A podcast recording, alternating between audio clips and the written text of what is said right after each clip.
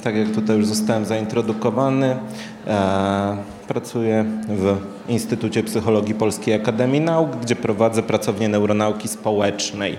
I dzisiejszy cały wykład właśnie o wzmiankowanej neuronauce społecznej i w tych mniej więcej rewirach będzie się poruszał. Zacznijmy jednak od bardzo podstawowego pytania. Tak? Od razu pozwolę sobie nieśmiało dodać, że jestem psychologiem, który zajmuje się czymś z pogranicza właśnie neuronauki poznawczej, psychologii klinicznej i psychologii szeroko pojętej społecznej, bo badam taki temat, który można by określić mianem poznania społecznego. Tak?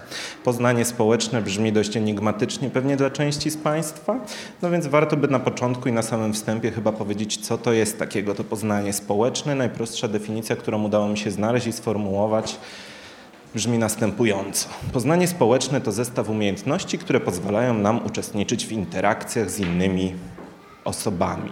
Bardzo prosta i elegancka tutaj definicja, tylko że no można by od razu powiedzieć, że okej, okay, w zasadzie ciężko jest wskazać taki proces poznawczy, który nie jest konieczny do tego, żeby w jakiś sposób interagować z innymi osobami, no bo wszystko fajnie, no ale jeżeli ktoś ma problemy z pamięcią, z uwagą, czy jakimkolwiek innym dowolnym tutaj procesem, który nie wchodzi w skład poznania społecznego, no to no, ciężko będzie mu utrzymywać efektywne interakcje i komunikować się z innymi. No ale co mamy tutaj na myśli? Mówiąc krótko, jest to taki zbiór procesów, który jednak jest troszkę bardziej dla tej sfery społecznej specyficzny i dużo mocniej zahacza o bardzo, bardzo, bardzo specyficzne procesy, które związane są właśnie z interakcjami społecznymi i tak jak podzielili to badacze z Narodowego Instytutu Zdrowia Społecznego, to takie trzy największe działki i trzy największe grupy grupy procesów, które można by tu wyróżnić, to będzie przede wszystkim percepcja społeczna.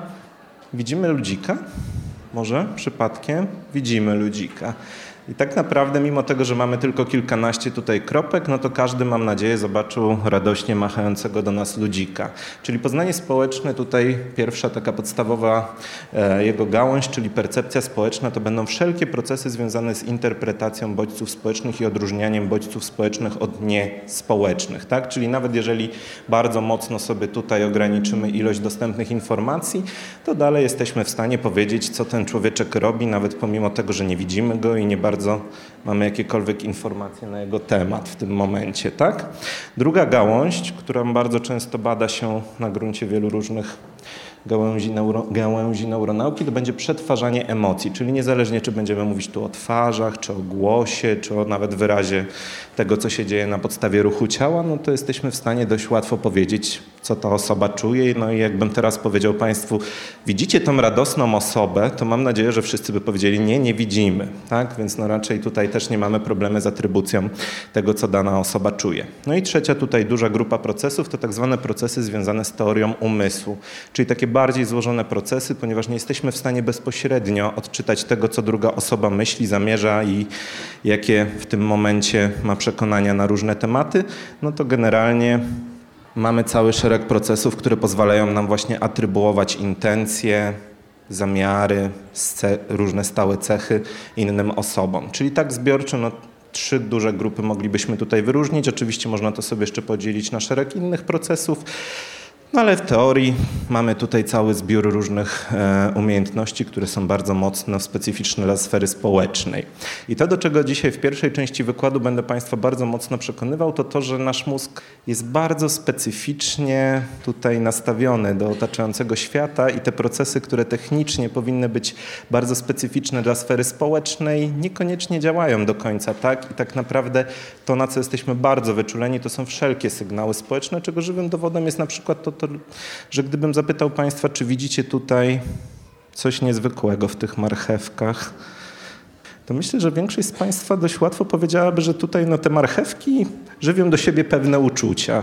Tak idąc tokiem poprzedniego nawet wykładu, można by powiedzieć, że no, gdzieś dalej można by coś im atrybuować. Jakbym zapytał, czy na przykład emocje tej pani, która tutaj jest obecna i tego właśnie budzika jakoś bardzo się różnią, to też podejrzewam, że większość z Państwa mogłaby podyskutować dość mocno na ten temat. Jeżeli mówimy o tak złożonych procesach jak atrybucja zamiarów, intencji, opowiedzenie historii o tym, co druga osoba w danej momencie przeżywa i co będzie zaraz robić, to pytanie, czy możemy coś powiedzieć na temat zamiarów tego pudełka?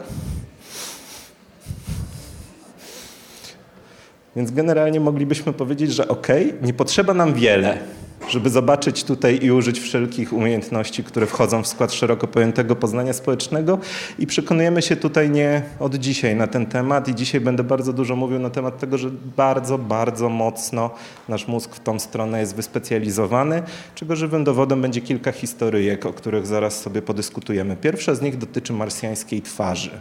25 Widzieliście pewnie Państwo to zdjęcie 25 lipca 1976 roku. Sonda Viking 1 przesłała takie zdjęcie tutaj z równiny Cydonia na Marsie, które zrobiło dość dużą karierę. Tak? Opis, który towarzyszył tego zdjęciu, po, temu zdjęciu po tym, jak wypuszczono je do prasy, brzmiał mniej więcej tak. Huge rock formation in the center which resembled a human head. Więc generalnie już nawet NASA tak troszkę narzuciła tutaj, jaką interpretację moglibyśmy przyjąć, no ale niezależnie od tego, no widzimy raczej, że coś jest na rzeczy i nie tylko my pewnie to widzimy, pewnie nie jeden artysta się zainspirował tym. Później generalnie to zdjęcie na przykład pojawiło się tutaj inspiracją w kreskówkach, w grach komputerowych. Nawet był odcinek z Archiwum X, który podobno był dość kiepski, nie wiem, nie widziałem, ale też odnosił się do całej historii tutaj spiskowej, której tutaj doszukiwali się ludzie w odniesieniu do tego zdjęcia. Co więcej, Obszerna literatura dyskutuje to, jak to na Marsie była bardzo złożona cywilizacja, której efektem jest właśnie ta oto budowla. I nawet znalazłem taką bardzo fajną stronę internetową, nie będę już tutaj dawał linków może, ale generalnie dość dużo dyskusji na temat tego, że tutaj nie trzeba być, oni nawet używają takiego ładnego sformułowania, it doesn't take to a rocket scientist to figure out what this all means. Więc no generalnie no tutaj bardzo dużo interpretacji narosło wokół tego, co to się zadziało i czemu nagle, nie wiem, jakaś starożytna marsjańska cywilizacja miałaby wybudować pomnik ludzkiej twarzy, czy też nie wiem, jakiejkolwiek twarzy. No niestety okazało się, że z czasem, jak zdjęcia zaczęły troszkę robić się wyraźniejsze, kolejne sądy przesłały nieco bardziej wyraźne zdjęcia, no to zdjęcie trochę straciło tutaj ten twarz, rozkład cieni, no niestety do dziś dnia niekoniecznie jest do obronienia, że tam widzimy dużo, ale przez dobrych 30 lat artyści, pisarze, futuryści i różni inni badacze doszukiwali się tutaj bardzo charakterystycznych kształtów. Tak? Inna historia, którą moglibyśmy sobie opowiedzieć w kontekście tego, czy widzimy rzeczy bodźce społeczne, nie zawsze tam, gdzie koniecznie one się pojawiają. Dotyczy takiego pana, który nazywał się Giuseppe Arcimboldo i nie wiem, czy Państwo znają go, był malarzem, ale można by powiedzieć, że treść jego obrazów jest taka dość specyficzna, bo tak naprawdę, jeżeli gdzieś spotkali się Państwo z panem Arcimboldo, to w zasadzie wszystkie jego obrazy wyglądały mniej więcej tak. Więc generalnie jego cała twórczość obracała się wokół takiego specyficznego sposobu zestawiania różnych przedmiotów, przyrody nieożywionej, różnego typu bodźców, czy to warzywa, czy książki, czy też innego typu przedmioty, które układały się w twarz. I tak naprawdę no, podejrzewam, że znakomita większość z Państwa mogłaby tutaj nie tylko powiedzieć, czy ktoś w tym momencie widzi zestaw warzyw i owoców, który nie układa się w nic szczególnego? Jeżeli nie, no to prawdopodobnie w tym momencie wasze zakręty wrzecionowate aktywizowały się troszkę bardziej niż gdybym pokazał coś, co nie ułoży się w twarz. Co więcej, tego typu historie, gdzie aktualnie możemy łatwo powiedzieć, że rzeczywiście Dostrzegamy twarze w wielu różnych miejscach, gdzie niekoniecznie nie ma, niekoniecznie one się pojawiają. Są dowodem na to, że naprawdę nasze poznanie społeczne i procesy związane z wykrywaniem bodźców społecznych są bardzo wysoko zautomatyzowane. I też często są one badane, również na gruncie neuronauki społecznej. I jakiś czas temu na przykład ukazał się taki oto artykuł w prasie fachowej pod tytułem Mistaking a House for a Face.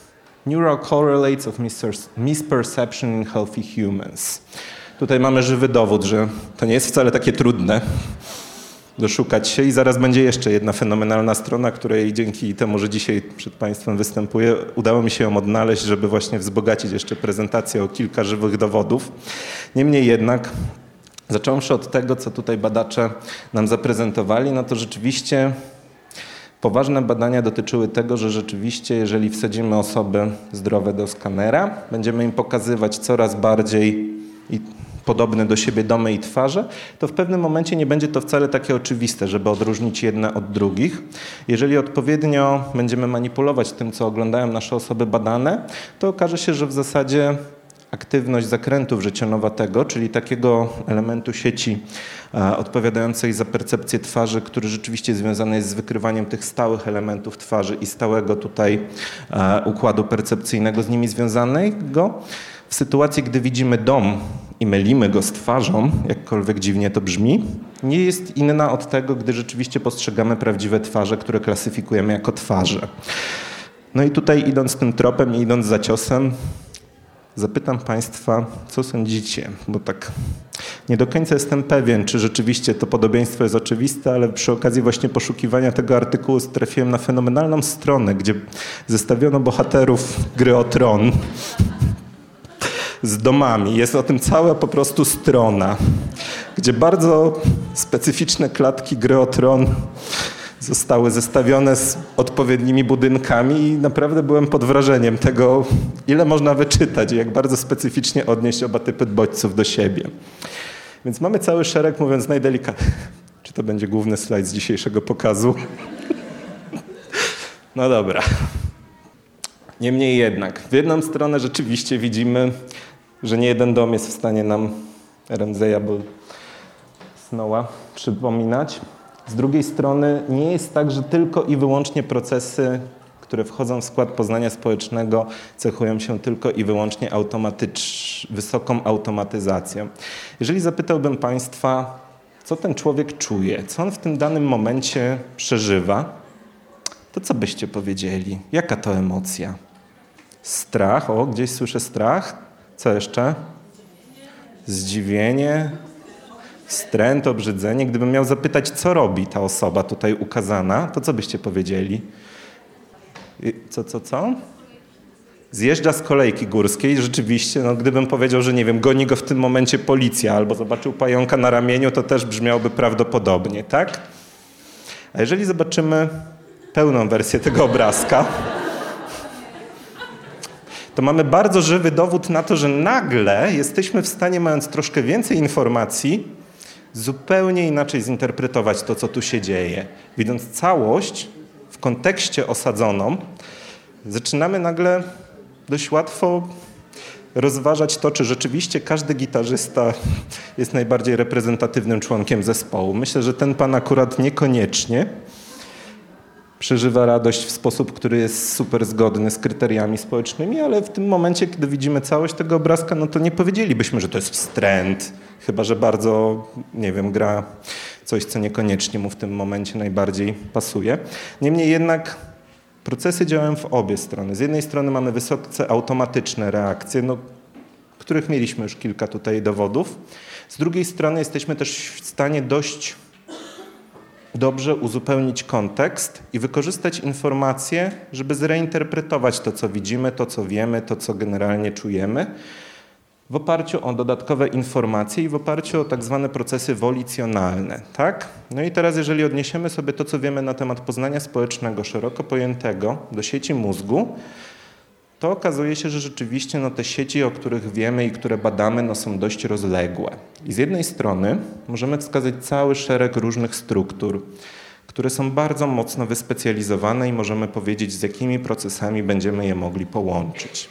Czyli jeżeli na przykład pokazuję Państwu point lighty, tak? czyli ten ruch biologiczny człowieczka złożonego z kropek, ale też pokazałbym Państwu właśnie twarz versus dom, który nie przypominałby twarzy dla odmiany, to powinniśmy oczekiwać aktywności w strukturach związanych z siecią percepcji społecznej. Czyli tutaj będziemy mieli przede wszystkim z jednej strony taką strukturę, która nazywa się zakrętem wrzecionowatym, polem twarzy w zakręcie wrzecionowatym, z drugiej natomiast tylną część bruzdy skroniowej górnej. Jedna z nich związana jest z takimi bardziej statycznymi, klasycznymi właśnie procesami związanymi z wykrywaniem na przykład schematu twarzy, druga natomiast dzisiaj będę Państwa przekonywał, integruje bardzo dużo różnych informacji związanych z dynamiczną informacją społeczną, na którą ciągle i w każdym momencie jesteśmy wystawieni. Druga sieć, którą na przykład musieliśmy uruchomić, kiedy zobaczyliśmy obrazek całego pana z gitarą, a nie tylko jego dość nietypowy, jak na radość wyraz twarzy, to sieć związana z teorią umysłu, bo Jeżeli wiemy, co generalnie dana osoba robi i w jakim kontekście tutaj funkcjonuje, no to możemy dość łatwo określić, że rzeczywiście to, co przeżywa, to prawdopodobnie nie będzie ta emocja, która pierwotnie gdzieś nam się narzuciła. I żeby to zrobić, no to musimy się z jej właśnie celami aktualnymi działaniami i szerszym kontekstem działania zapoznać, po czym użyć tych informacji, żeby rzeczywiście zrozumieć jej aktualne intencje czy też stan mentalny. I tutaj dwie kluczowe struktury, które moglibyśmy wymienić, to będzie przyśrodkowa kora przedczołowa i skrzyżowanie ciemieniowo-skroniowe. Jest też szereg innych struktur i na przykład bardzo dużo procesów automatycznych związanych jest z tak zwaną siecią obserwacji czynności. Teraz mógłbym użyć mało poprawnego politycznie hasła neurony lustrzane i od razu zabrzmi to zupełnie inaczej. Niemniej jednak, jeżeli powiemy sobie, że sieć obserwacji czynności w zasadzie aktywuje się nie tylko wtedy, kiedy wykonujemy jakąś czynność, ale również kiedy ją obserwujemy i te informacje często gęsto są interpretowane też w jakimś szerszym kontekście, no to rzeczywiście też jest to bardzo ważna sieć, której e, rolę będziemy dzisiaj sobie omawiać. Więc to jest jedna z takich możliwych parcelacji i podziałów tego, co w mózgu społecznym się dzieje, no ale nie jest to jedyny możliwy. Na przykład tutaj jest taki bardzo duża tabelka, która omawia podział na dwa systemy, z których jeden właśnie związany jest z automatycznymi różnymi reakcjami. Czyli jeżeli na przykład używamy jakiejś automatycznej naszej wiedzy, której nie musieliśmy w żaden sposób e, mocno ją e, wyłuskiwać z kontekstu, no to tutaj mamy szereg struktur, które pan Matt Lieberman połączył z aktywnością tak zwanych procesów automatycznych, refleksywnych. On to nazywa X-system od reflexive, czyli takich, które absolutnie nie wymagają od nas jakiejś mocnej e, działalności. Tak? Czyli te procesy, które na przykład związane są z aktywnością sieci obserwacji czynności, czy automatycznymi różnymi e, emocjonalnymi reakcjami, będą raczej po tej stronie. Z drugiej strony możemy sobie powiedzieć o całym szeregu procesów reflektywnych, refleksy, reflektywnych. Tutaj generalnie to nie ma dobrego polskiego tłumaczenia, więc to jak generalnie staram się to przetłumaczyć, to jest wolicjonalne i automatyczne. Tak będzie chyba najbezpieczniej w tym momencie.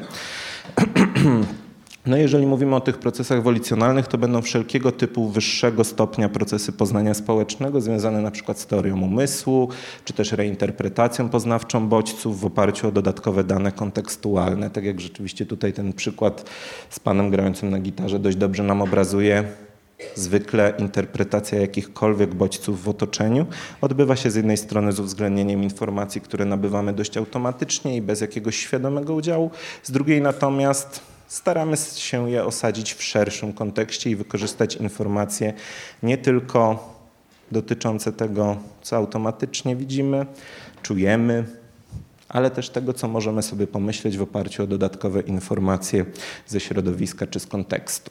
No i teraz to, o czym będę dzisiaj Państwa przekonywał, bo też bardzo mocno moje badania dotyczą pewnej określonej struktury, to to, że z jedną z kluczowych struktur, które w naszym mózgu związane są z integracją informacji z obu tych systemów, będzie właśnie bruzda skroniowa górna, a w zasadzie jej tylna część, którą generalnie tutaj pan Lieberman bardziej po stronie właśnie ref automatycznej osadził, no ale też rzeczywiście jak będziemy widzieć już za parę slajdów, tak naprawdę no to ona jest bardziej strukturą, która na dużym poziomie integruje e, informacje z różnych podsieci. No i tak jak rzeczywiście możemy sobie obejrzeć e, dużo różnych wyników badań, no to na przykład jakiś czas temu badacze pan Szurc razem z grupą badawczą zrobili tak zwaną metaanalizę zadań związanych z teorią umysłu.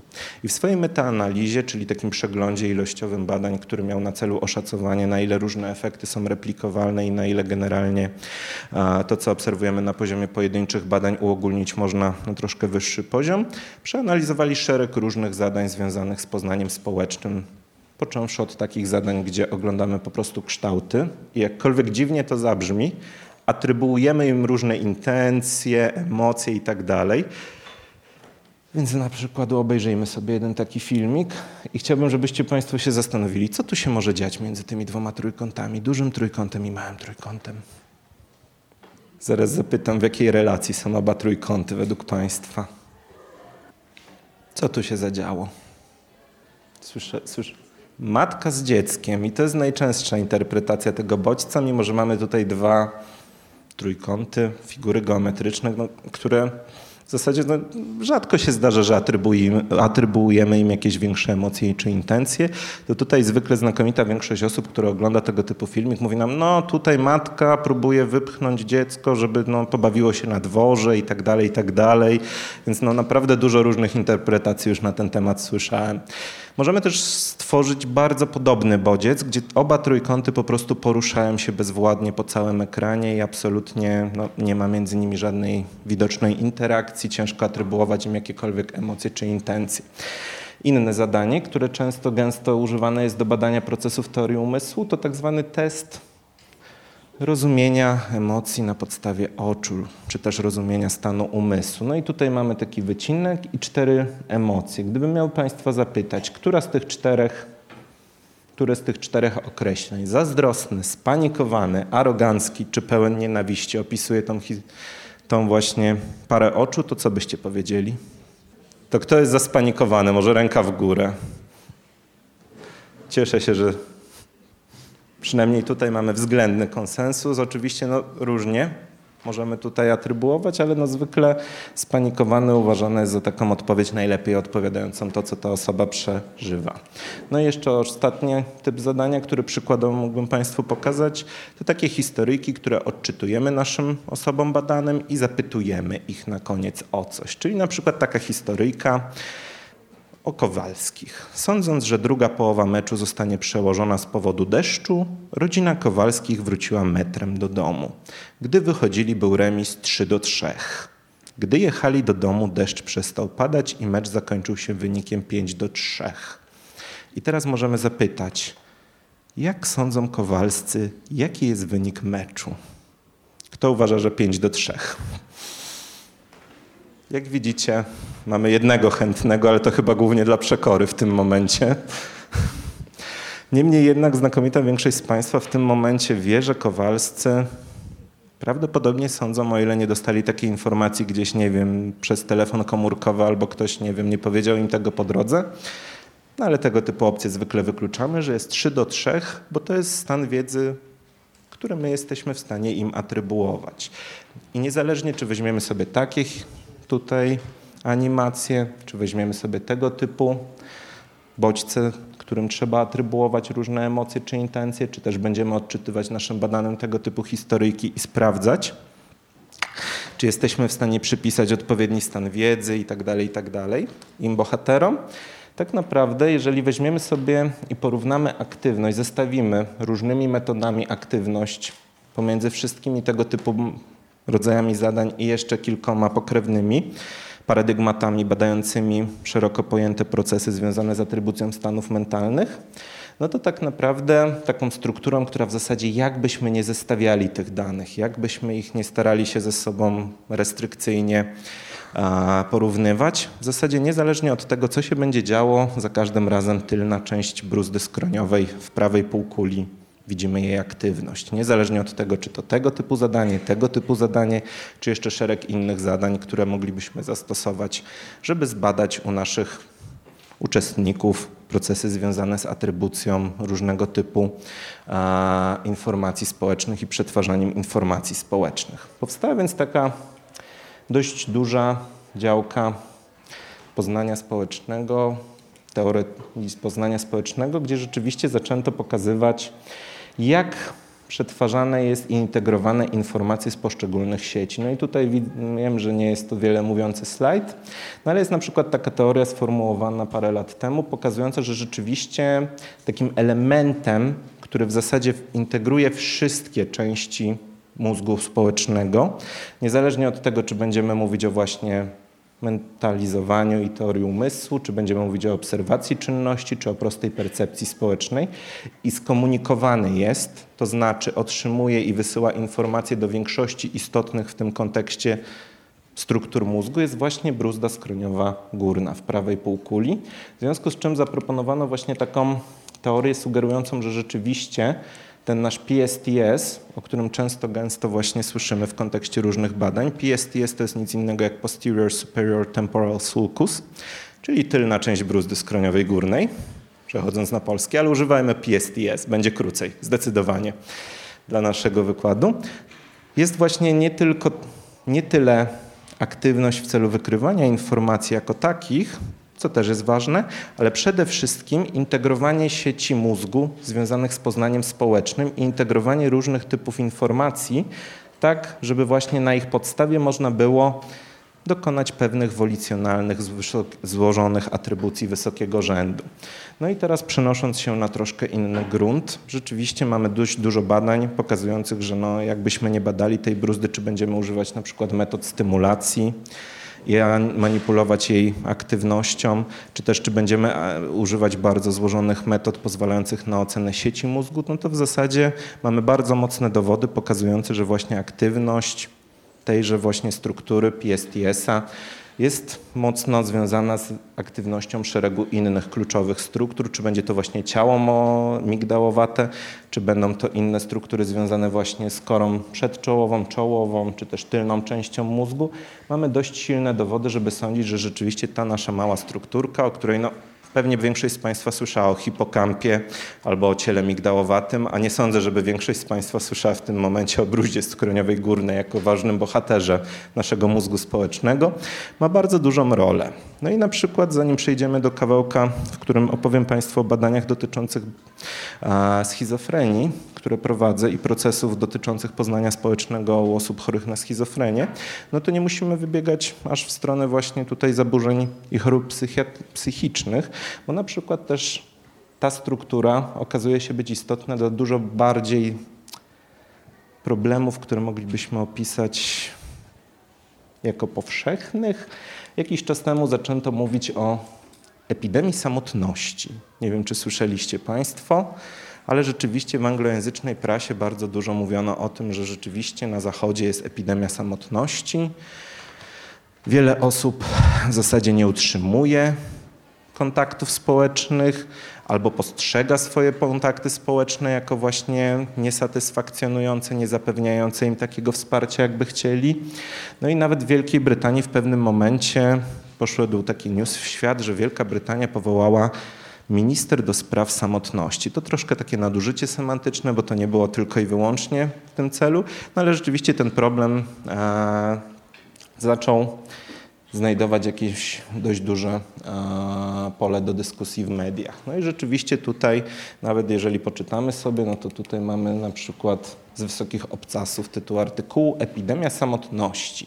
I mamy bardzo dużo danych pokazujących, że rzeczywiście, jeżeli weźmiemy sobie dane epidemiologiczne, to to, że ktoś postrzega swoje więzi społeczne jako słabe, niesatysfakcjonujące, nawet nie to, czy one obiektywnie są takie, czy też nie są, ale wystarczy, że postrzegamy je jako takie, przekłada się na szereg czynników ryzyka. Tak? No i jedna z właśnie badań, epidemi badań epidemiologicznych, takich zakrojonych na bardzo szeroką skalę, pokazało, że tak naprawdę no to samotność jest bardzo dużym czynnikiem zwiększającym śmiertelność w takim samym stopniu jak na przykład no, palenie paczki papierosów dziennie. Tutaj no, do dziś dnia pa, dyskusja gdzieś tam coraz nowe dane są pokazywane, więc no nie wiem, czy aż tak mocno do tej specyficznej charakterystyki epidemiologicznej bym się e, przywiązywał. Niemniej jednak no, zaczęto gdzieś tam mówić o tym, że rzeczywiście no, ten świat społeczny nie jest czymś takim, co gdzieś funkcjonuje totalnie w oderwaniu od naszego ciała, od naszego zdrowia, tylko rzeczywiście to, jak go postrzegamy, ma dość wymierne konsekwencje dla naszego na przykład, nie wiem, układu sercowo-naczyniowego. No i rzeczywiście zaczynamy gdzieś to badać i pokazywać, że nasz mózg nie jest czymś, co zupełnie gdzieś tam jest oderwane w puszce, funkcjonuje tak, jak często wyobrażamy go sobie w filmach science fiction w jakimś słoiku, tylko jest osadzony w ciele. Jeżeli rzeczywiście jakieś procesy tutaj no, powodują, że postrzegamy na przykład nasze sieci społeczne w ten czy inny sposób i jest to źródłem na przykład stresu, no to rzeczywiście ma to dość wymierne przełożenie, tak? No i rzeczywiście jak zaczęto zajmować się tym problemem, no to okazało się, że coś mi nie idzie z rozpracowywaniem tego pointera, jeżeli mam być z Państwem szczery, no to okazuje się, że rzeczywiście osoby, które twierdzą, że ich sieci społeczne są słabe i niesatysfakcjonujące, obserwowano u nich inną aktywność w odpowiedzi na bodźce nieprzyjemne, społeczne niż u osób, które nie mają tego typu wglądu w swoje sieci społeczne. Pokazywano również, że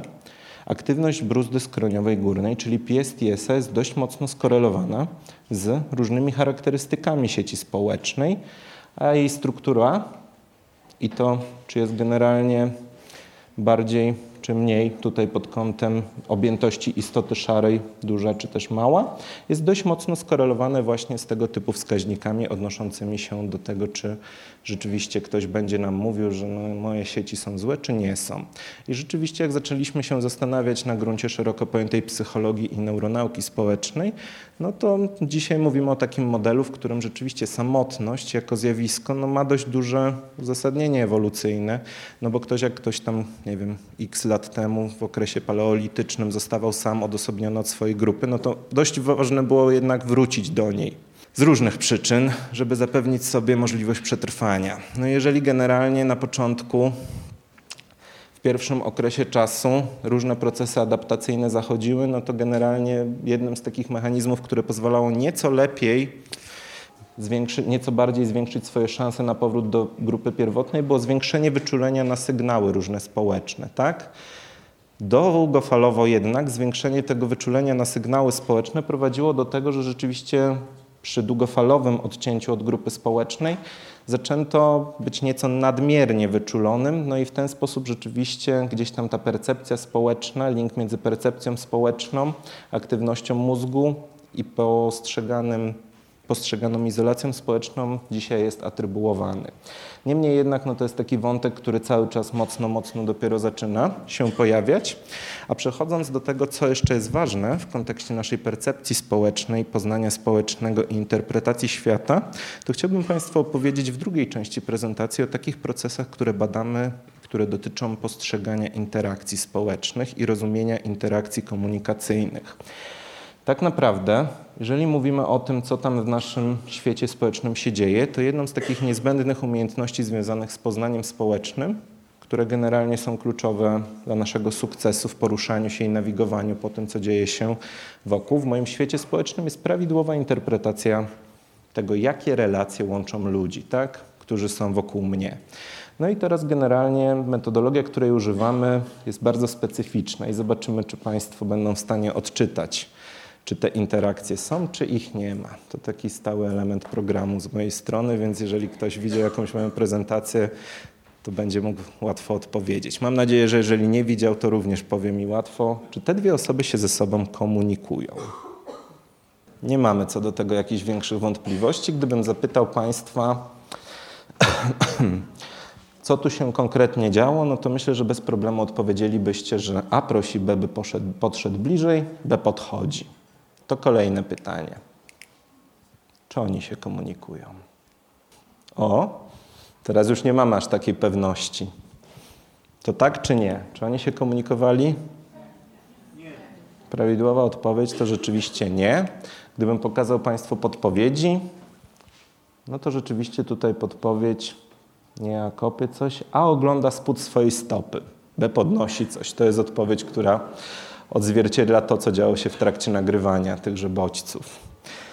I jeszcze jedna próba, tym razem będzie łatwo. Powiem tak, jeżeli niezależnie kogo badamy, to w zasadzie tutaj nie zdarzyło mi się jeszcze usłyszeć złej odpowiedzi. Czy oni się komunikują, proszę Państwa?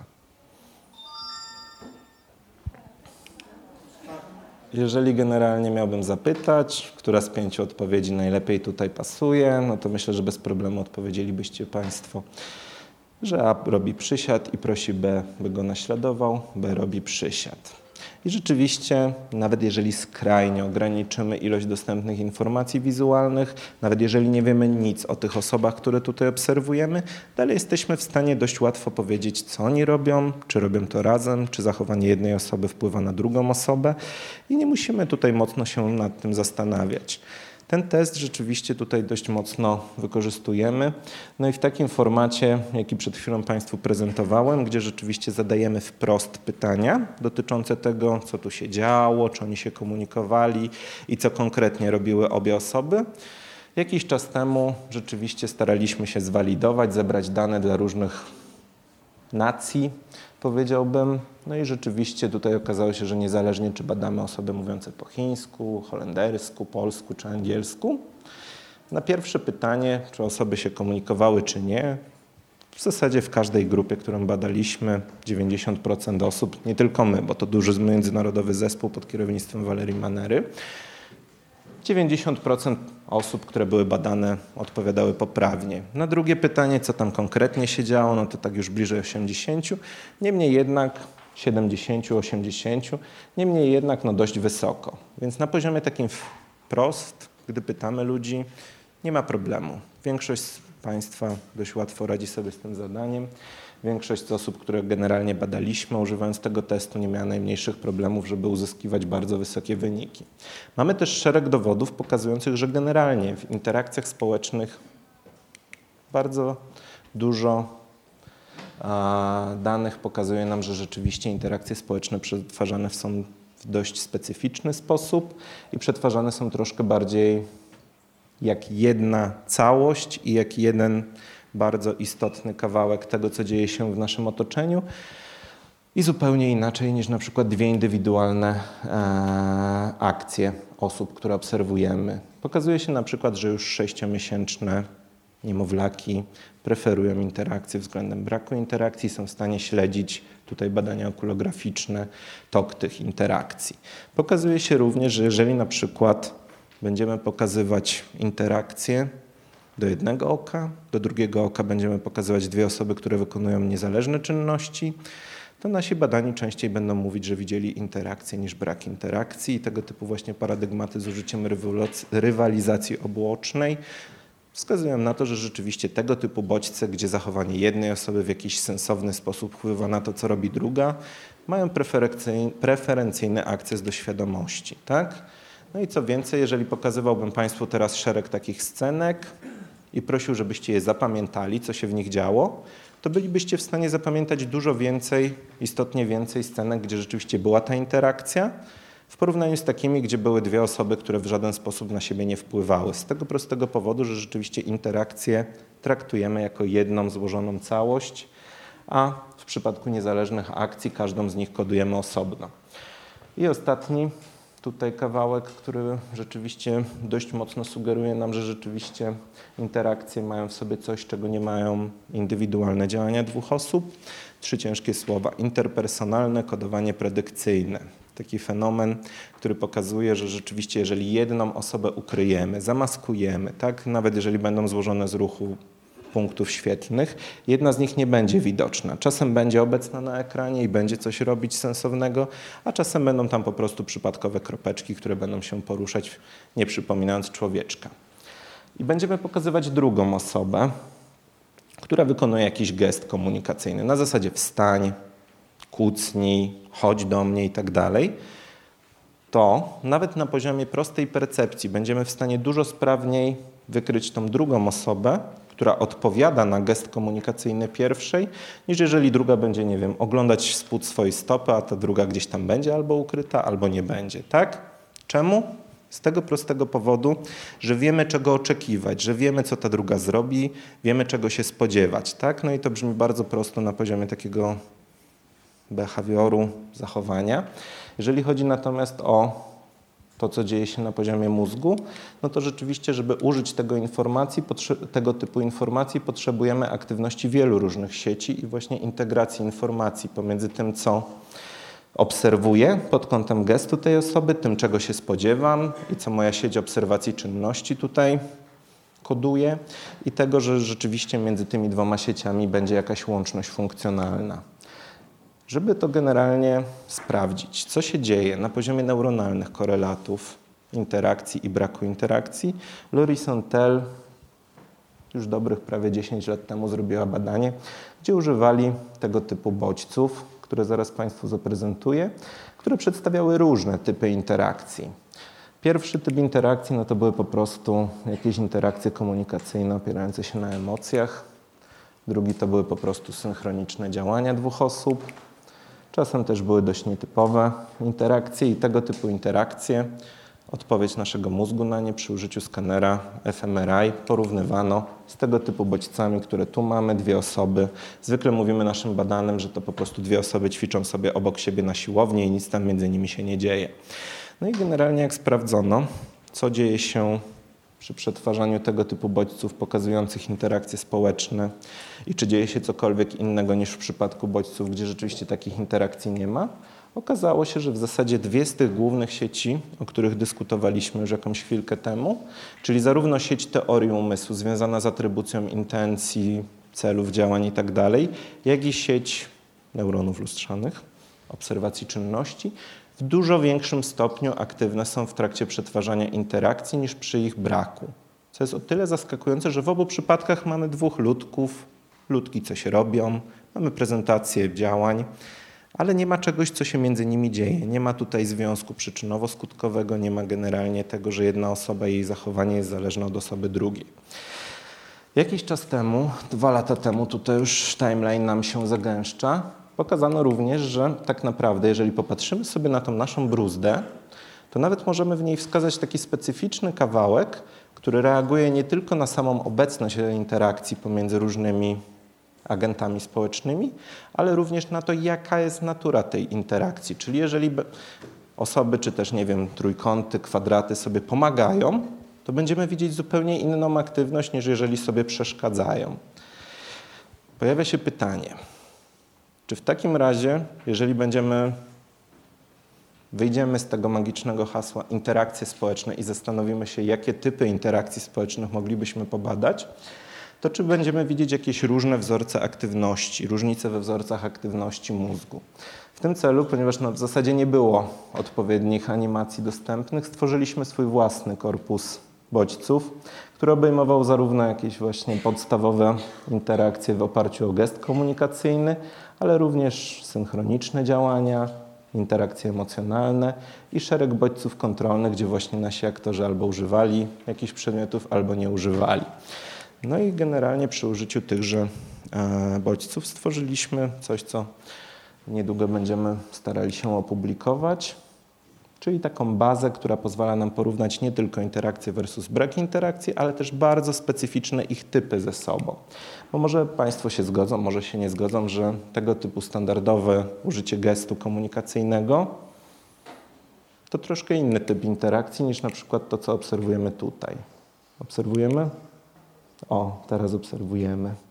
A jakbym zapytał jeszcze, czy ten, co przed chwilą pokazywałem, jest podobny do tego, to możemy śmiało powiedzieć, że te trzy różne typy sytuacji będą jednak troszkę inne w odbiorze i powinny no, być związane z nieco inną aktywnością neuronalną, a przynajmniej dwa ostatnie, gdzie rzeczywiście mamy tak bardzo mocno zaakcentowane emocje i to, że rzeczywiście tu nie chodzi o zwykły gest chodź tu, wstań, odejdź, tylko o rzeczywiście żywy przekaz emocji od jednej osoby do drugiej, oczekiwalibyśmy, że będziemy widzieć różnice. No i rzeczywiście, jeżeli porównaliśmy sobie obecność bodźców społecznych z brakiem tychże, to tak jak już wiemy, sieć percepcji społecznej taka dość podstawowa, czyli tylna część bruzdy, jak również zakręty wrzecionowate były aktywne.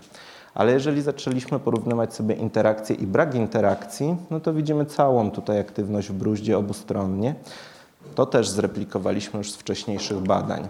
Ostatecznie jednak to, co było najciekawsze, to to, że zobaczyliśmy, że rzeczywiście, jeżeli porównamy sobie te emocjonalne interakcje z takimi standardowymi, neutralnymi użyciami gestów komunikacyjnych, to cała nasza sieć związana z przetwarzaniem emocji, jak również sieć z teorii umysłu, przyśrodkowa kora przedczołowa, dużo bardziej były aktywne po stronie tych, gdzie rzeczywiście jedna osoba krzyczy na drugą, druga się broni itd., tak itd. Tak Czyli nie mamy tutaj tylko i wyłącznie gestu czy też, nie wiem, interakcji, ale też cały ich wachlarz, tak? Drugą stronę też widzimy różnicę i tak naprawdę, jeżeli ktoś będzie opierał się tylko i wyłącznie na standardowym użyciu gestu, no to też będziemy mieli troszkę inną aktywność w sieci obserwacji czynności.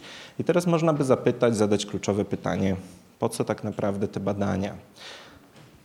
Oczywiście z jednej strony dają nam dość duży wgląd w procesy, które związane są z rozumieniem tego, jak nasz mózg społeczny działa, co generalnie w nim jest kluczowe dla przetwarzania jakiego typu informacji. No ale też to, co staramy się robić, ponieważ wychodzę z takiego mocno klinicznego jednak backgroundu, mówiąc kolokwialnie, i zaczynałem od pracy takiej bardzo neuropsychologicznej dawno, dawno temu. To pytanie, czy to, co widzimy tutaj w tego typu wynikach, przejawia się jakoś inaczej, czy przekłada się na to, co obserwujemy w różnych zaburzeniach neurologicznych czy psychiatrycznych. Tak? No i dość dużą część swoich badań, które dotąd prowadziłem, odnosiłem do takiej populacji osób populacji osób chorych na schizofrenię, czyli taką chorobę, która no często, gęsto gdzieś tam wiemy coś o niej, ale nie wiemy za dużo. Tak? Wiemy, że 1% osób w populacji ma takie rozpoznanie, które oznacza nie mniej, nie więcej jak tyle, że rzeczywiście osoby chore doświadczają z jednej strony objawów wytwórczych, takich jak właśnie urojenia czy omamy, z drugiej strony zaniku pewnych form zachowania obserwowanych u osób zdrowych. Oczywiście w różnych fazach wygląda to różnie, dlatego też no, tak naprawdę w tym momencie ta diagnoza, którą mamy z obecnym systemem ICD-10 rzeczywiście no, bardziej opiera się niestety na tej części i dość mocno ta druga część jest w niej e, nieobecna. Niemniej jednak, jeżeli wyszlibyśmy po taką, poza taką bardzo, bardzo, bardzo podstawową diagnozę, to możemy zastanowić się nad tym, czy tak złożona choroba, gdzie obserwujemy tyle różnych objawów, może być atrybuowana dysfunkcji pojedynczej sieci mózgu, pojedynczej struktury mózgu czy kilku sieci mózgu. No i jak łatwo się domyśleć, no nie, tak? Raczej jesteśmy na stanowisku, że to nie jest tak, że po prostu mamy jakiś jeden kawałek, który tam wystarczyłoby przystymulować, czy też, nie wiem, lekami zmienić jego aktywność, żeby w zasadzie poradzić sobie ze wszystkim, e, ze wszystkimi trudnościami. To, co jest też ważne, to to, że jest to trzecia co do częstości przyczyna niepełnosprawności, trwałej niepełnosprawności osób przed 40 rokiem życia, 45 rokiem życia, co pokazuje nam, że rzeczywiście no, te nasze wyniki, które gdzieś tam moglibyśmy mieć, mogą mieć dość istotne przełożenie na proces rehabilitacji dużej puli osób chorych. I to, co jest też bardzo, bardzo ważne w tym momencie, to to, że często, jeżeli wiemy coś o schizofrenii, to myślimy głównie o objawach wytwórczych, a tak naprawdę w tym momencie pokazuje się, że dla długofalowego funkcjonowania osób chorych dużo ważniejsze są objawy ubytkowe i te trudności, których doświadczają w różnych sferach. I tak jak zwrócimy sobie uwagę na tą część naszej definicji, to kluczowym słowem dla mnie w tej definicji jest słowo idiopatyczna które oznacza nie mniej, nie więcej tylko tyle, parafrazując klasyka, że nie wiemy, co ją powoduje, tak? Mówiąc krótko. I to, co staramy się zrobić w tym momencie, to rozłożyć ten konstrukt, który jest bardzo nieprecyzyjny, bardzo, bardzo zmienny i bardzo, bardzo często ciężki do badania, no bo wrzucamy masę różnych objawów, masę osób, które rzeczywiście często zupełnie ich historie nijak nie do, są do siebie podobne, ich objawy nie są do siebie podobne, ale mają jedno podobne rozpoznanie i dlatego, nie wiem, staramy się w takim jednym dużym worku prowadzić badania i rzeczywiście porównywać coś z osobami, które nie mają takiej diagnozy. Staramy się rozłożyć tą dużą chorobę na dużo mniej różnych specyficznych objawów, które można połączyć dość bardziej, dużo bardziej czytelnie z dysfunkcją różnych sieci neuronalnych i później jeszcze zejść na troszkę niższy poziom z jakimiś konkretnymi a, genami czy też systemami neuroprzekaźników. I to, co jest ważne w kontekście tego, co badamy, to to, że rzeczywiście te procesy, o których mówiliśmy sobie na początku, że mamy kilka różnych domen poznania społecznego i te kilka różnych domen gdzieś tam rzeczywiście można czytelnie przełożyć na systemy neuronalne, na którą z tych domen byśmy nie patrzyli, widzimy różnice między osobami zdrowymi i nawet jeżeli weźmiemy zbiorczo taki worek duży i nieprecyzyjny, to jednak na zbiorczo będziemy widzieć gorsze, gorsze wyniki testów, które mierzą tego trzy, typu 3 domeny u osób chorych w porównaniu ze zdrowymi.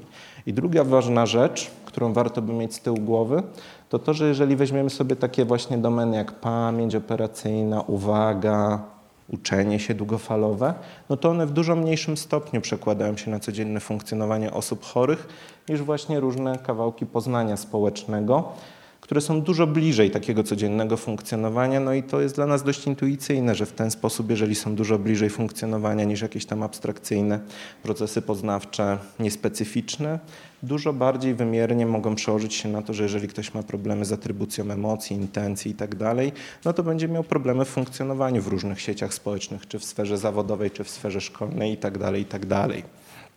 To, co wiemy również, to to, że mamy dowody na to, że rzeczywiście z jednej strony obserwujemy u osób chorych różnego typu zaburzenia, tak? Czy przy emocjach, e, atrybucji procesu, atrybucji emocji, czy przy atrybucji intencji, czy nawet przy rozpoznawaniu ruchu biologicznego, no, mamy dowody na poziomie behawioralnym, że rzeczywiście widzimy jakieś tam zaburzenia. Te zaburzenia możemy powiązać ze zmniejszoną aktywnością różnych struktur mózgu. Ale mamy też cały szereg procesów, co do których nie mamy jasności, jak działają, czy działają tak samo, czy działają inaczej. No i jeżeli generalnie zaczniemy je ze sobą zestawiać, no to nagle okaże się, że jedyną osią, względem której te dwa typy procesów można by podzielić, no to będą procesy reflektywne i refleksy, automatyczne i wolicjonalne. Zostańmy przy tym kawałku, tak? Reflective and reflexive po angielsku. Po polsku zostańmy na poziomie automatyczne i wolicjonalne. I tam, gdzie explicite pytamy osoby badane, czy ktoś tutaj prezentuje radość, złość, smutek i tak dalej, ok, będzie problem, tak? Ktoś może poradzić sobie gorzej.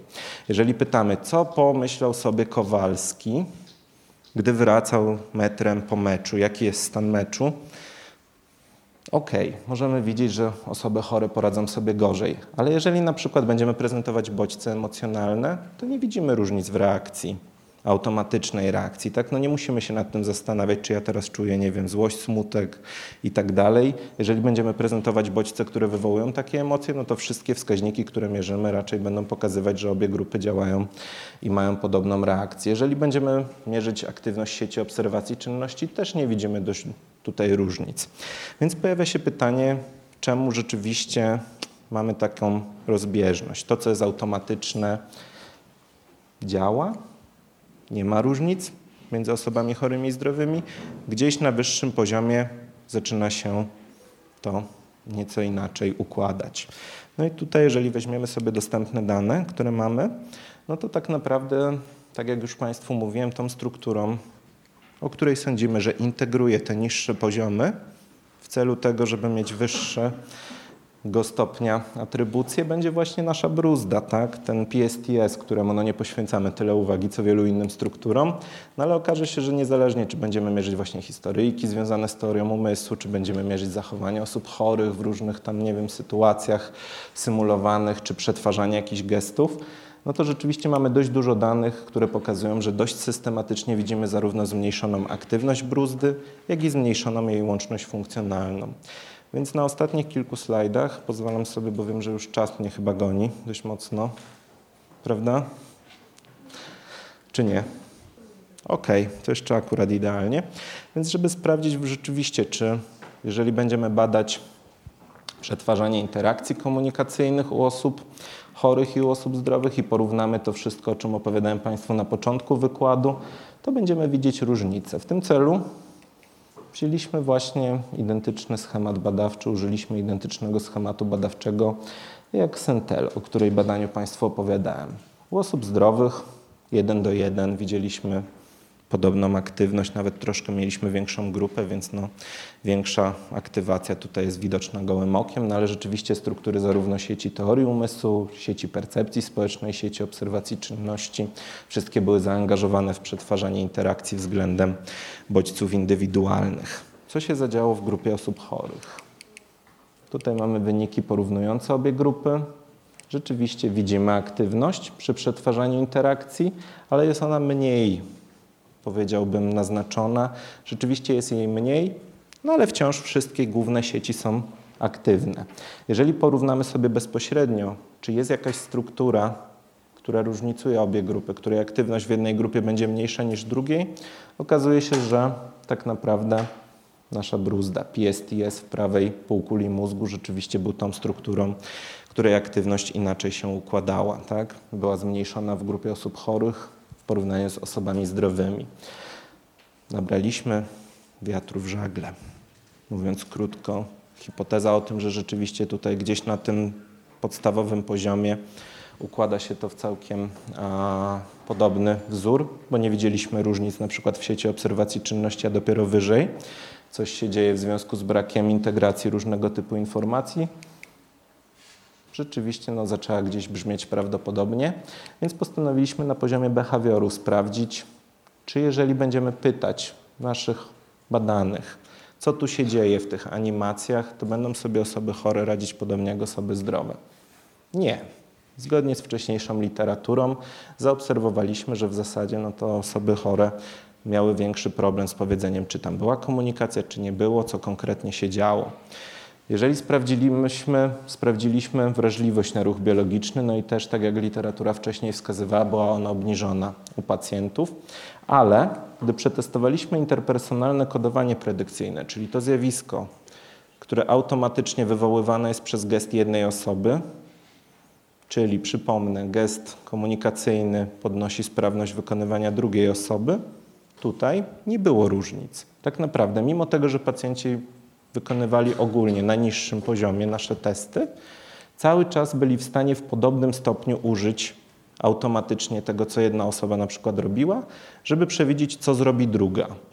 No i rzeczywiście, jeżeli wiemy, że ten proces jest tutaj automatyczny, a to, co mierzymy na poziomie rzeczywiście wolicjonalnym, jest zaburzone, no to moglibyśmy powiedzieć, że mamy tak ładną dysocjację, że rzeczywiście widzimy zaburzenia świadomego przetwarzania bodźców, ale procesy automatyczne działają.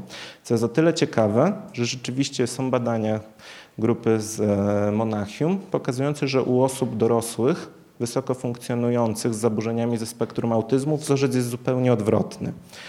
Czyli generalnie na poziomie takim wolicjonalnym, świadomym, tak jak osoby zdrowe odpowiadają, ale na poziomie takim nieświadomym, gdzie rzeczywiście mierzymy te reakcje automatyczne, nie ma tego. W ogóle nie widzimy tego benefitu związanego z kodowaniem predykcyjnym. Więc generalnie w tym momencie zaczęliśmy się zastanawiać, czy aby nie chodzi o to, że tutaj cały szereg procesów niższego rzędu działa jak należy, ale ponieważ te informacje nie są integrowane tak, jakbyśmy chcieli, no to gdzieś na poziomie wyższego rzędu zaczynamy widzieć problemy. No i tutaj aktualnie badania, które prowadzimy w praktyce, mają na celu odpowiedzieć, co z tego wynika. Nie tylko dla naszego zrozumienia mózgu społecznego, ale też dla szeroko pojętej praktyki klinicznej. Ostatnio często gęsto mówi się o tak zwanym precision psychiatry, że jak zmapujemy sobie już wszystkie różne symptomy poszczególne w odniesieniu do sieci mózgu, to będziemy mogli powiedzieć, jak te różne sieci mózgu przekładają się na objawy, że któraś sieć jest tam bardziej aktywna, że któraś jest mniej, że na przykład, nie wiem, sieć związana z reakcją emocjonalną jest zbyt aktywna, dlatego na przykład reagujemy w sposób lękowy na coś, tak? Do tego jeszcze nie ma kontroli ze strony sieci związanej za kontrolę, odpowiedzialnej za kontrolę wolicjonalną, więc nie jesteśmy w stanie wyhamować tej automatycznej reakcji lękowej. No i to na przykład leży hipotetycznie u podłoża różnych fobii. No i jak już zrozumiemy to, to możemy sobie powiedzieć, że rzeczywiście każda z tych sieci wymaga troszkę innych interwencji z naszej strony. Niektóre z nich dużo lepiej i dużo bardziej wrażliwe są na farmakoterapię, inne z nich rzeczywiście reagują dobrze na nieinwazyjne próby stymulacji mózgu, jeszcze inne na psychoterapię, więc dla każdego naszego badanego w oparciu o indywidualny profil objawów i tą zmapowaną aktywność sieci mózgu, będziemy w stanie stworzyć jakąś indywidualną propozycję tego, jaka kombinacja działań terapeutycznych będzie optymalna. Oczywiście, jak często bywa z innowacjami i z przekładaniem jakichkolwiek badań podstawowych na działania praktyczne, nie jest łatwo. Znalazłem taką ładną tabelkę, a w zasadzie wykres pokazujący, że często, gęsto i często tak w historii na przykład psychiatrii, nawet w ostatnich kilkudziesięciu latach było, że wprowadzano jakąś nową metodę i na samym starcie mieliśmy bardzo mało badań, ale były one bardzo obiecujące, bo były po prostu robione na małych próbach, więc efekty gdzieś tam były spektakularne, ludzie bardzo wysoko to publikowali i pompowaliśmy taką bańkę. Tutaj mamy tak ładnie to określone peak of inflated expectations. A jak zaczęliśmy gromadzić badania, badania, badania i badania, to później rzeczywiście dopiero po jakimś bardzo długim czasie i po wstępnych rozczarowaniach dojeżdżamy do takiej równiny produktywności, gdzie rzeczywiście wiemy, co jak działa, mamy solidne dowody i wtedy rzeczywiście jesteśmy w stanie użyć tych metod, które gdzieś tam na początku były napompowane dość dobrze. Czemu o tym mówię?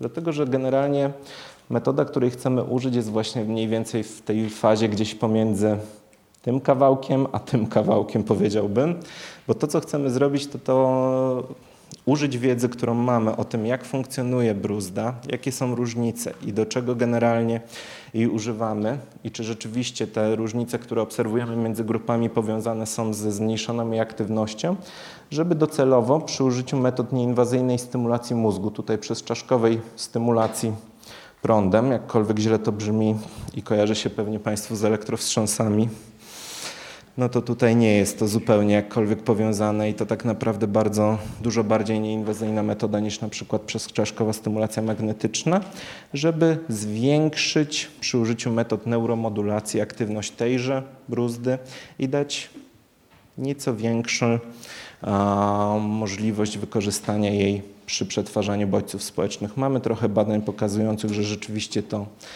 nie jest taki nierealny cel, no ale na ten moment właśnie kończymy projekt, w którym może za dwa lata Państwu opowiem, czy rzeczywiście na podstawie albo trzy, albo cztery, no zobaczymy jak pójdzie, czy rzeczywiście gdzieś tą naszą wiedzę podstawową jesteśmy w stanie przełożyć na tego typu e, działania. Więc tutaj od razu pozwolę sobie zaznaczyć, że bez całej rzeszy współpracowników większość z badań, o których Państwu dzisiaj opowiedziałem, nie byłaby możliwa. No i też rzeczywiście bez różnych instytucji fundujących te badania też nie. Więc tyle z mojej strony. Dziękuję Państwu za uwagę.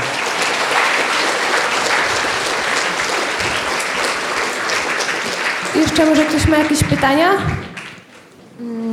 Mnie zainteresowała najbardziej ta przekładalność badań na praktykę. Mhm. Czyli jeżeli w tej chwili badania są robione na jakiejś grupie chorych. Czy co? Jeszcze raz? Jeżeli w tej chwili badania robione są na jakiejś grupie chorych na mhm. schizofrenię. Mhm. E, za jakiś czas te badania będą mogły być e, przekładalne na innych chorych, jak rozumiem, wyniki tych badań, tak? Czy też no, a w tym czasie zmieni się sytuacja społeczna. Mm, dużo rzeczy może się zmienić w ciągu najbliższych czterech lat. E, być może pewne mechanizmy nie, ale znaczy, postrzeganie, percepcja, mhm. różne rzeczy się mogą zmienić. Na ile mm, badania, które pan teraz zrobił, będą możliwe do wykorzystania w tej samej formie za 4-5 lat? Ciężko jest mi wróżyć na temat przyszłości, jeśli mam być z Państwem szczery. Nie mam takiej możliwości. Jeżeli rozpracujemy jakiś mechanizm biologiczny, mówiąc kolokwialnie, i pokażemy, że rzeczywiście jakieś tam mechanizmy neuronalne, które są specyficzne dla różnych chorób i mają powiązanie genetyczne, no to oczywiście każda choroba złożona psychiczna związana jest z interakcją czynników środowiskowych, biologicznych, i całego szeregu, i całym jakimś otoczeniem społecznym, no ale na pewno to, że będziemy wiedzieć, że jakiś konkretny deficyt związany jest ze zmienioną aktywnością neuronalną i coś z tą zmienioną aktywnością możemy zrobić, to dość no, tak samo jak, nie wiem, 50 lat temu, gdy wprowadzono chlorpromazynę, działała ona tak samo jak dzisiaj działa tak naprawdę. Więc no pod tym kątem, jeżeli mechanizm jest, ma silną jakąś konotację biologiczną, no to też no, wydaje mi się, że no, mamy spore szanse, żeby też no, działał równie dobrze wtedy, co i teraz. Chociaż oczywiście no, też czynniki społeczne, kulturowe i tak dalej nie są czymś, co jest zaniedbywalne tak, w tym kontekście, bo tak naprawdę mamy bardzo dużo danych pokazujących, że sama w sobie schizofrenia różnie manifestuje się w różnych kulturach, w różnych systemach społecznych, że jest różnie akceptowana i tak naprawdę no tutaj jest nawet taki paradoks, który często gęsto opisuje się, że w krajach, które są słabiej rozwinięte i mają technicznie mniejszy dostęp do leczenia psychiatrycznego, gorszy system opieki medycznej i tak dalej, nagle okazuje się, że właśnie schizofrenia ma lżejszy przebieg. Z uwagi właśnie na to, że jest bardziej akceptowalna, chorzy mają większe wsparcie ze sfery społecznej i tak dalej, i tak dalej. Więc no to też jest bardzo ważne, tak? No te badania, które mówimy i omawiamy w kontekście szeroko pojętej neuronauki społecznej, jak sama nazwa wskazuje, są mocno zaczepione systemie społecznym, więc no nie da się ich oderwać. To nie jest tylko to, że badamy jakiś tam kawałek mózgu i tkankę nerwową, tylko ta tkanka nerwowa jest w żywym człowieku, który jest osadzony w szerszej rzeczywistości, więc no tutaj też dość mocno, tak jak pokazywałem, to nie musi być schizofrenia, to może być naprawdę, nie wiem, to, że ktoś widzi swoje sieci społeczne jako a, słabsze i generalnie nie dające mu takiego wsparcia. I też będziemy widzieć neuronalne korelaty, tak, więc no to nie jest tak, że po prostu te a korespondencja jest po prostu wyłącznie dla chorób psychicznych obserwowana, tak? No i generalnie tak jak rozważamy jakąkolwiek w tym momencie złożone zjawisko, no to zawsze mówimy o nim w kontekście i mechanizmów genetycznych i w kontekście mechanizmów społecznych i też tych mechanizmów epigenetycznych, które są gdzieś tam na ich zbiegu i w interakcji pomiędzy nimi, więc też bardzo duży nurt badań, którym no ja osobiście się nie zajmuję, bo nie, no, nie jestem genetykiem.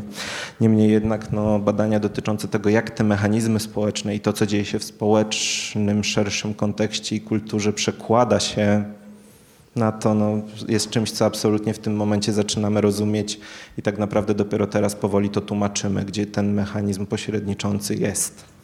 Nie? Dziękuję za pytanie oczywiście, które jest bardzo, bardzo zasadne i jak najbardziej tutaj trzeba mieć to z tyłu głowy, że nie funkcjonujemy w próżni. Tak? Dzień dobry. Dzień dobry. Chciałem zapytać się, e, dlaczego Państwo wybrali akurat tak złożoną chorobę jak schizofrenia, który Pan mówi, że to jest worek, który prawdopodobnie jest pojęciem na wiele różnych e, chorób, tak naprawdę, głęboki, szeroki worek. Są jeszcze takie choroby, które e, wydają się bardziej skorelowane z funkcjonowaniem naszym w społeczeństwie, na przykład syndrom Aspergera. Czy Państwo w tym kontekście badają też ten syndrom i takie choroby, które mają wydają się takie bardziej punktowe i mniej e, w sensie takim złożonym zjawiskiem jak schizofrenia. Może się mylę, ale... Znaczy nie powiedziałbym, że syndrom Aspergera jest tutaj jakąś bardziej punktową roz, rozpoznaniem. Znaczy w zasadzie zacząwszy od odpowiedzi na pytanie dlaczego. Z tego prostego powodu, że gdy zaczynałem swoją krótką, bo krótką, ale jednak no, gdzieś tam robiłem już trochę tych badań karierę. Bardzo fascynowało mnie to, że rzeczywiście nasze wyobrażenia szeroko funkcjonujące na ten temat to bardzo Kiedyś było nawet takie rozumienie psychiatryczne. Na początku XX wieku jeden z bardziej prominentnych psychiatrów powiedział coś takiego, że te doznania, których doznają pacjenci z, ze schizofrenią są niedostępne dla zdrowego człowieka, że to jest coś jakościowo innego. A tak naprawdę to nie jest coś jakościowo innego. Jak zaczynamy się nad tym zastanawiać i zaczynamy badać te mechanizmy, no to proszę Państwa, wyobraźmy sobie prostą sytuację. Wychodzimy z sali i nagle ktoś w centralnie w momencie, gdy wyszliśmy z tej sali, zaczyna wy, wybucha śmiechem. Jaka jest Państwa pierwsza atrybucja w tym momencie? Ktoś opowiedział dowcip i na pewno jest śmieszny, tak? To jest pierwsza rzecz, która przyszła Państwu do głowy, podejrzewam. Większy że jest jakiś powód, a jeszcze jakbyśmy podrążyli, to co byście Państwo sobie tak szczerze pomyśleli? Bo ja bym pomyślał sobie, że o, zaśmiali się ze mnie. I bardzo często no, ludzie rzeczywiście mają tendencję do atrybuowania tego typu sytuacji ku sobie i tak dalej. I w takim, no, rzeczywiście nikt nie myśli o tym, że to jest coś totalnie nienaturalnego, ale rzeczywiście mamy tego typu atrybucje. I to, że w pewnym momencie te atrybucje przechodzą gdzieś tam już, przekraczają pewną granicę i zmieniają się w coś, co no, klinicznie nazywamy urojeniami, zaczynamy to rozumieć, że to nie jest coś, co bierze się znikąd, że chory nie budzi się pewnego dnia rano i stwierdza, jestem inkarnacją faraona i Menotepa i będę teraz siłą woli sterował poziomem oceanów, że to dzieje się powoli, kawałek po kawałku i te mechanizmy nie biorą się znikąd, jesteśmy w stanie je obserwować, jesteśmy w stanie je śledzić, coraz lepiej tłumaczyć. Jeżeli chodzi o zespół Aspergera i zaburzenia ze spektrum autyzmu, no to tutaj mamy grupę w Niemczech, która robi identyczne badania, ale właśnie w odniesieniu do populacji osób z, wysoko funkcjonujących z autyzmem i w zasadzie, no, żeby z nimi nie konkurować, nie wchodzimy sobie w drogę. Teraz mam doktorantkę, która rzeczywiście zebrała takie dane, używając podobnych paradygmatów, więc będziemy kontrastować obie grupy i zobaczymy, czy rzeczywiście ta hipoteza o podwójnej dysocjacji, że te mechanizmy działają w obie strony, w każdej chorobie troszkę w inną stronę, będziemy mogli ją zweryfikować mniej lub bardziej bezpośrednio. Niemniej jednak no rzeczywiście mamy dużo bardzo moglibyśmy badać fobię społeczną, no ale tak rzeczywiście moglibyśmy badać bardziej subtelne formy, które są bardzo mocno punktowe. Ale rzadko kiedy choroba, która, no, rzadko kiedy Rzadko która choroba nie przejawia się w sferze społecznej, bo w zasadzie każdy większy objaw psychiatryczny jakoś tam na tą sferę społeczną będzie wpływał docelowo. Bo tak naprawdę nasz mózg to, jeżeli nie wyczytaliście Państwo tego jeszcze między wierszami z, mojego slajd, z moich slajdów, to w takim, żyje w takim przekonaniu, że naszym podstawowym modelem działania mózgu jest mózg społeczny. Że nawet jeżeli będziemy sobie pokazywać te marchewki, nie wiem, punkciki i tak dalej, to my tam dalej będziemy przede wszystkim szukać informacji społecznych. Więc w zasadzie każdy większy objaw i każde większe zaburzenie jakoś na tą sferę będzie się przejawiać. Rzeczywiście wystartowaliśmy z największego tutaj możliwego worka i w tym momencie raczej no podejrzewam, że to co będziemy robić to też nie będziemy, no też doświadczenie uczy mnie, że tak jak nie wiem 10 lat temu coś robiłem, no to to niekoniecznie mogło być słuszne i ta dychotomiczna diagnoza nie jest absolutnie czymkolwiek, co najlepiej opisuje funkcjonowanie osób, które badamy. Po iluś tam kolejnych badaniach Mam bardzo głębokie przekonanie, że jeżeli badamy grupy osób chorych, to w grupie osób chorych zawsze będą osoby, które będą dużo, dużo, dużo lepiej funkcjonować mimo swojej diagnozy niż część naszych osób z grupy kontrolnej. I często będą takie osoby w grupie kontrolnej, które będą funkcjonować dużo, dużo gorzej i w zasadzie nierozróżnialnie od chorych. I że tak naprawdę tego typu jakaś dychotomiczna diagnoza, ktoś jest chory, ktoś nie jest chory, nijak nie opisuje spektrum ludzkiego funkcjonowania. Tak? Więc no moje poczucie jest takie, że to nie jest najlepiej postawiony problem i że z czasem, jak zaczniemy rzeczywiście Robimy już teraz takie badania, które wymagają oczywiście ogromnych prób, ogromnych populacji i tak dalej, no ale dzięki temu między innymi, że mamy dostęp do bardzo dużych danych gromadzonych w ramach różnych projektów typu Human Connectome Project, UK Biobank i tak dalej, no to jesteśmy w stanie troszkę inaczej zacząć rozumieć tą korelację między genami, zachowaniem, objawami i tak dalej, pokazując, że w zasadzie no to może za 10 albo 20 lat zupełnie inaczej zdefiniujemy te problemy, które dzisiaj wrzucamy do takich worków. Więc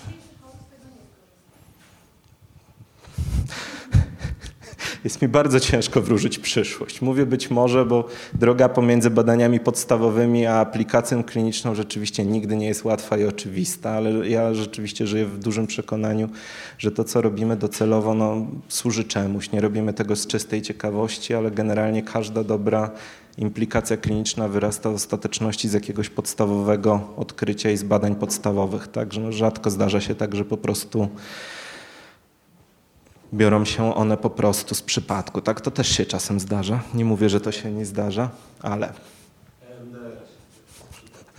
na przykład też chlorpromazyna, o której już dzisiaj wzmiankowałem, też pierwotnie miała do czego innego trochę służyć.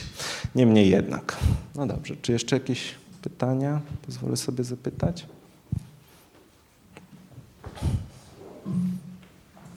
Ja mam pytanie z trochę innej strony. Skąd pan bierze do badań tą grupę chorych? Bo podejrzewam, że nie z ulicy. E, raczej nie chodzi pan, nie pytam, kto ma schizofrenię, ale e, skąd się bierze taka grupa chorych i jak ona jest liczna w takich badaniach? robimy rekrutację. Tyle mogę powiedzieć na początku. Rekrutacja wieloma różnymi kanałami przebiega od tego, że rzeczywiście no, współpracujemy też z różnymi jednostkami klinicznymi, szpitalami, poradniami, środowiskowymi domami samopomocy i tak ale też zdarzyło mi się informować o tym na forach dla osób leczących się, tak? No bo są też fora i rzeczywiście dzięki uprzejmości osób, które nimi administrują, też mogłem powiedzieć, że robimy takie badania, które no, wiążą się z tym i z tym i z tym. Później oczywiście jeszcze jak robimy, już nie wchodząc w procedurę badawczą, no ale rzeczywiście no, gdzieś tam po drodze częścią naszej procedury jest ocena przez lekarza, psychiatrę, żebyśmy też mieli mniej więcej potwierdzenie, czy my rzeczywiście w tym momencie badamy, czy osoba, która przychodzi do nas powiedzmy z ulicy, tak, czyli z jakiegoś źródła, którym nie mamy wiedzy, że rzeczywiście ktoś, nie wiem, lekarz, psychiatra nam podesłał jakiegoś badanego, więc no zwykle weryfikujemy jeszcze to rozpoznanie po swojej stronie, zanim włączymy osoby do badań, no ale to by było mniej więcej najogólniejsza możliwa odpowiedź, że rzeczywiście no przede wszystkim dzięki współpracy i nagłaśnianiu naszych badań, które prowadzimy w różnego typu jednostkach i jęzozach.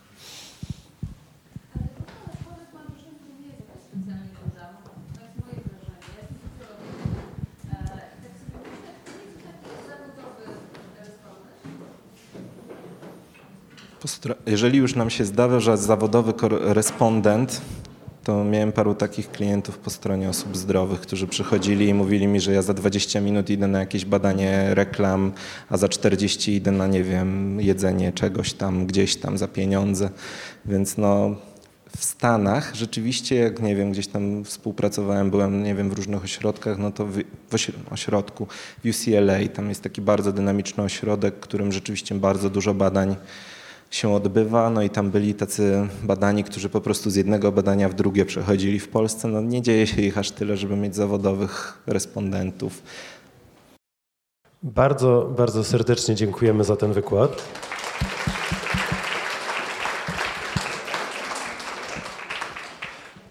Szanowni Państwo, tym samym y, kolejny Dzień Mózgu przechodzi do historii. Bardzo, bardzo serdecznie dziękuję i do zobaczenia za rok.